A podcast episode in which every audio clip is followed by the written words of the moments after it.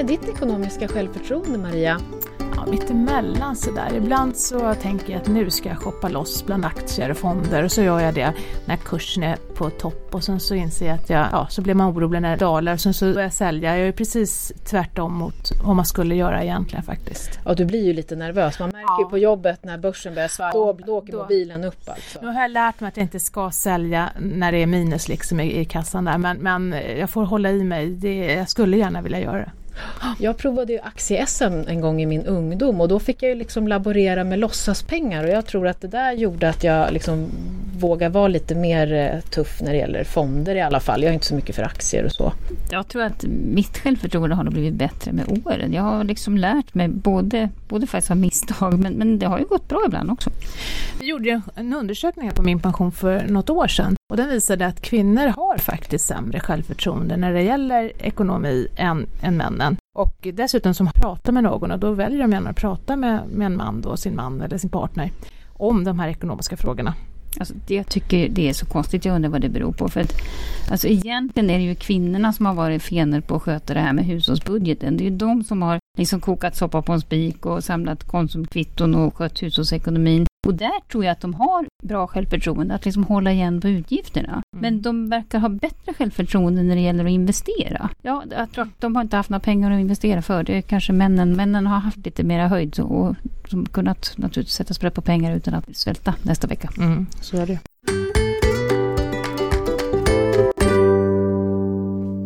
Välkommen till min pensionspodden och idag ska vi prata om ekonomiskt självförtroende. Så det blir inte så mycket pensionsprat utan mer om hur vi ska få fler att våga mer för att få en högre pension. Och idag sänder vi med lite guldkant, för vad är det som har hänt i veckan Maria? Ja men vi har ju blivit, eh, vi har fått ett pris, vi har blivit utnämnda av SPV till årets guldkant för vår digitala pensionsinformation. Och där är ju faktiskt podden en av de viktigaste delarna tror jag i det priset. Hurra för oss! Yes! Grattis Fast min pension, jättebra ja. jobbat! Idag har vi bjudit in Johanna Kull som är sparekonom på Avanza. Välkommen! Tack så jättemycket! Och vem är du? Jag jobbar på Avanza och jobbar med att vägleda och inspirera kring privatekonomi och öka kunskapen om sparande. Eh, så jag riktar mig till hela Sverige och alla privatpersoner, inte bara Avanzas kunder. Jag är 28 år och bor i en liten skokartong här i Stockholm som alla andra 28-åringar ungefär. Och har väl som mål att, att eh, kunna flytta ur den skokartongen en vacker dag. Därför sparar jag och jag vill ju också se till att jag har egna fuck-off-pengar som man heter så att jag har en oberoende framtid och jag kan göra vad, lite vad jag vill och inte vara beroende av någon annan. Bra plan där tycker jag. Ja. Mm. Ja, men som Maria sa så gjorde min pension en TNS SIFO-undersökning för något år sedan som tydligt visade att kvinnor hade lägre självförtroende i frågor som rör pension och dessutom så litar de på sin partner.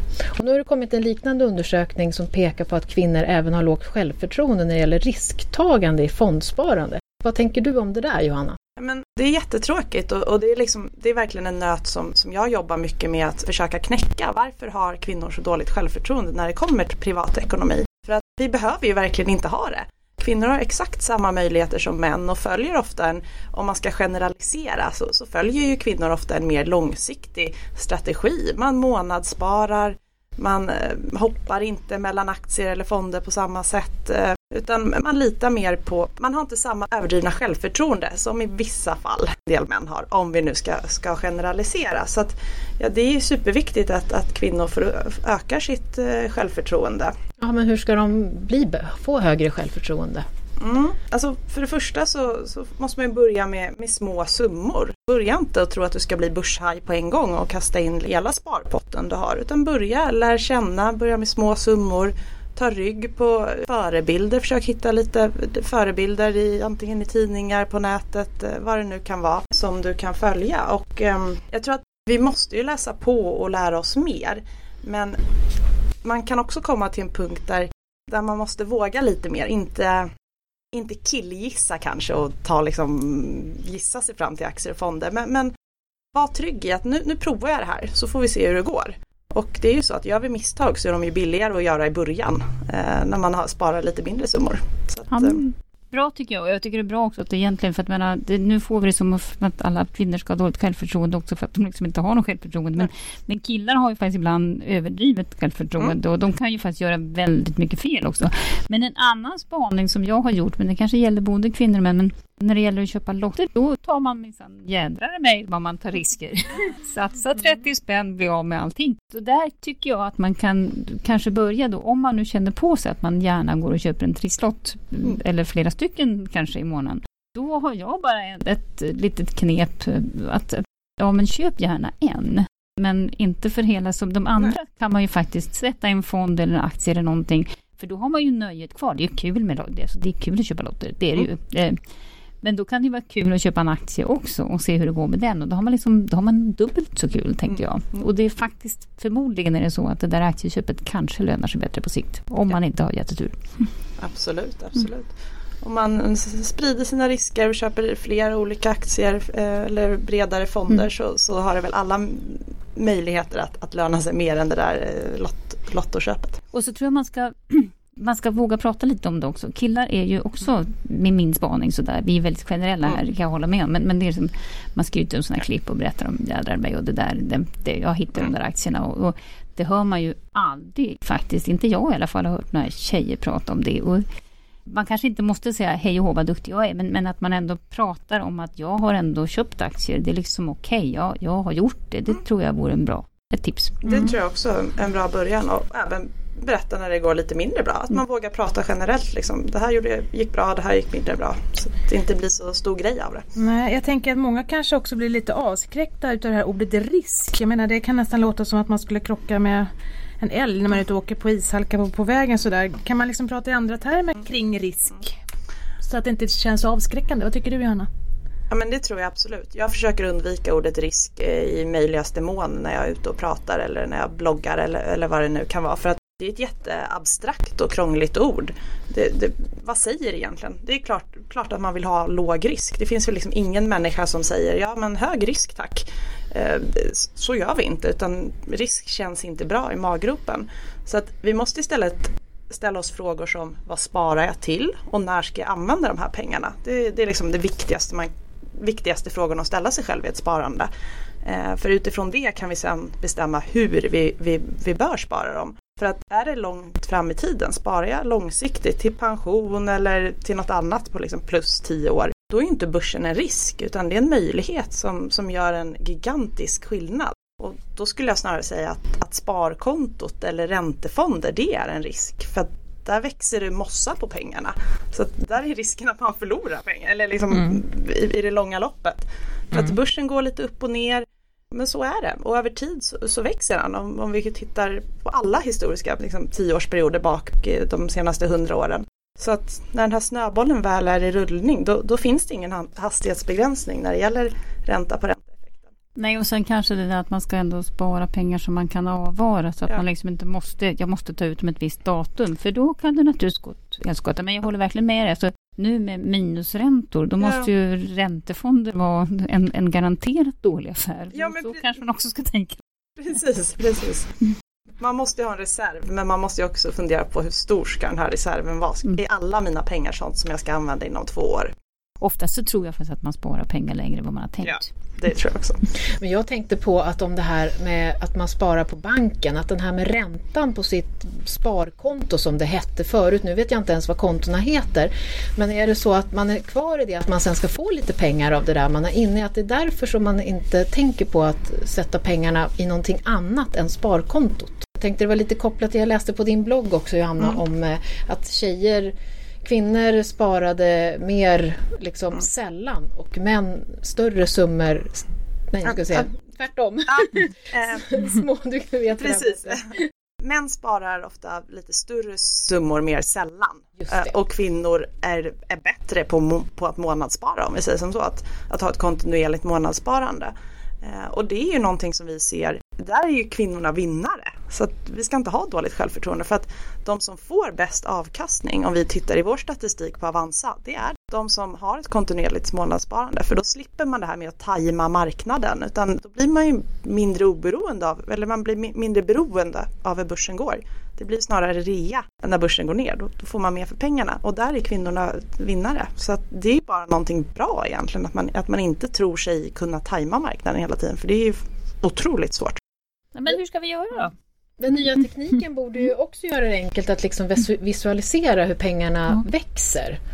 Alltså liksom, så att man ser att det blir mer pengar. För jag kan tycka att ibland så sätter man in på ett fondspar och så tycker man det händer ju ingenting. Men man måste ju ha en långsiktig plan där. Ja, absolut, det finns ju massa sätt att visualisera och se liksom, hur kommer det här växa över tid. Så att, men det är det som är problemet, det är, eller det svårigheten är ju att få inte bara kvinnor men många människor att hitta till de här fantastiska verktygen mm. som faktiskt finns idag. Jag menar man kan gå in hos er på min pension och jag, Hitta många ja, tusenlappar kan man göra. Hålla på och mixtra fram och tillbaka, mm. jobbar ett mm. år längre, jag får den här löneutvecklingen. Eh, och det finns fantastiska verktyg hos de flesta banker också där man kan se en, liksom, en månadskalkylator. Vad händer om jag sparar det här varje månad till den här och den här avkastningen? Så att det är väl vi i branschen, banker och myndigheters uppgift att liksom försöka få alla egentligen, både kvinnor som män, att hitta till de här.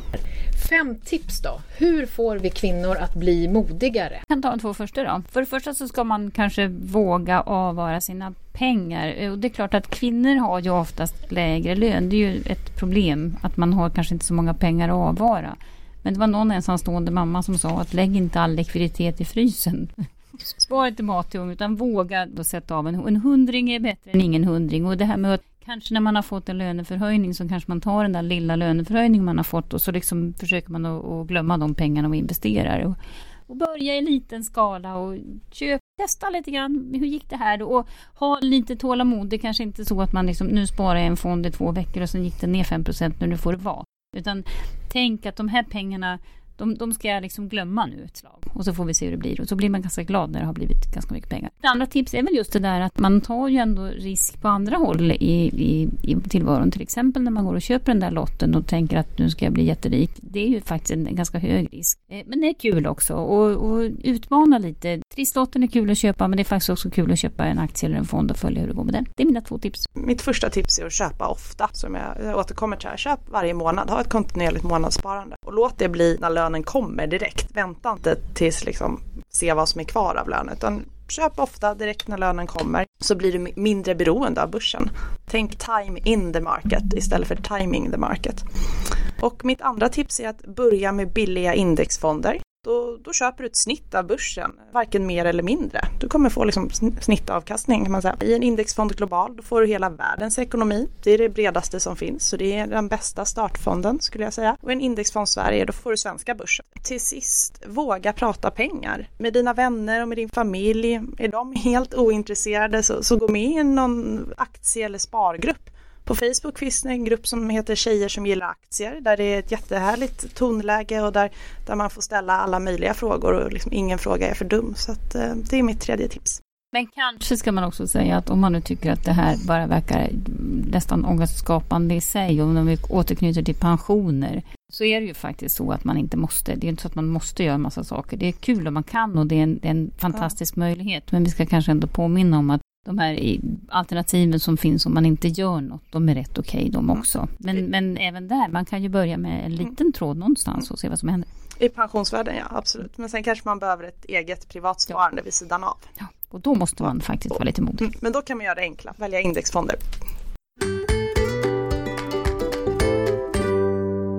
Vi har fått en fråga från en sjuksköterska som funderar på att ta ut sin ålderspension vid 64 års ålder och hon undrar hur mycket hon kan eller hur mycket hon får tjäna per år om hon vill jobba extra efter pension. Ja, det finns ingen gräns där faktiskt. Eh, man säger så här, det finns ganska lite koppling mellan att ta ut pension och att fortsätta att tjäna pengar och jobba. Eh, om man börjar med det orangea kuvertet, alltså den pension man får därifrån, då finns det ingen koppling alls. Man kan ta ut hela sin allmänna pension och man kan jobba heltid och det är inga problem. Möjligen kan man tjäna så mycket pengar som man börjar betala lite högre skatt. Det är väl liksom den enda haken där. Och sen när det gäller privat sparande, om man har en privat pensionsförsäkring så finns det ju ingen koppling där heller. Det är ju liksom fria pengar att ta ut dem bara man har fyllt 55 eller vad man har gjort. Den enda haken som kan finnas det är tjänstepensionen, alltså den här blå delen i pensionspyramiden. En del av de pensionerna, som om man börjar plocka ut de pengarna före man fyller 65, så finns det det som kallas ett pensionsvillkor. Och det innebär att ska man nu ha de här pengarna till sin pension så får man inte jobba mer än åtta timmar i veckan. Och det här är olika på olika pensioner så då måste man faktiskt gå till jobbet och fråga men lönekontoret har ju järnkoll på det här. Det här är en podd som görs av minpension.se som är en oberoende sajt där du kan se hela din pension, orangea kuvertet, det du får från jobbet och det du sparar själv. Glöm inte att prenumerera på podden så missar du ingenting och vi vill gärna att du betygsätter den i iTunes också, det skulle vi bli jätteglada för. Mer information och våra tips finns på minpension.se och idag också kanske lite på Avanzas blogg, där Johanna. Ja, absolut. Och vi som har gjort podden är jag då Ulrika Loob och Kristina Kamp som är pensionsekonom på Min Pension, Maria Eklund som är kommunikationsansvarig på Min Pension och gäst idag var Johanna Kull som är sparekonom på Avanza. Tack för oss! Hej då!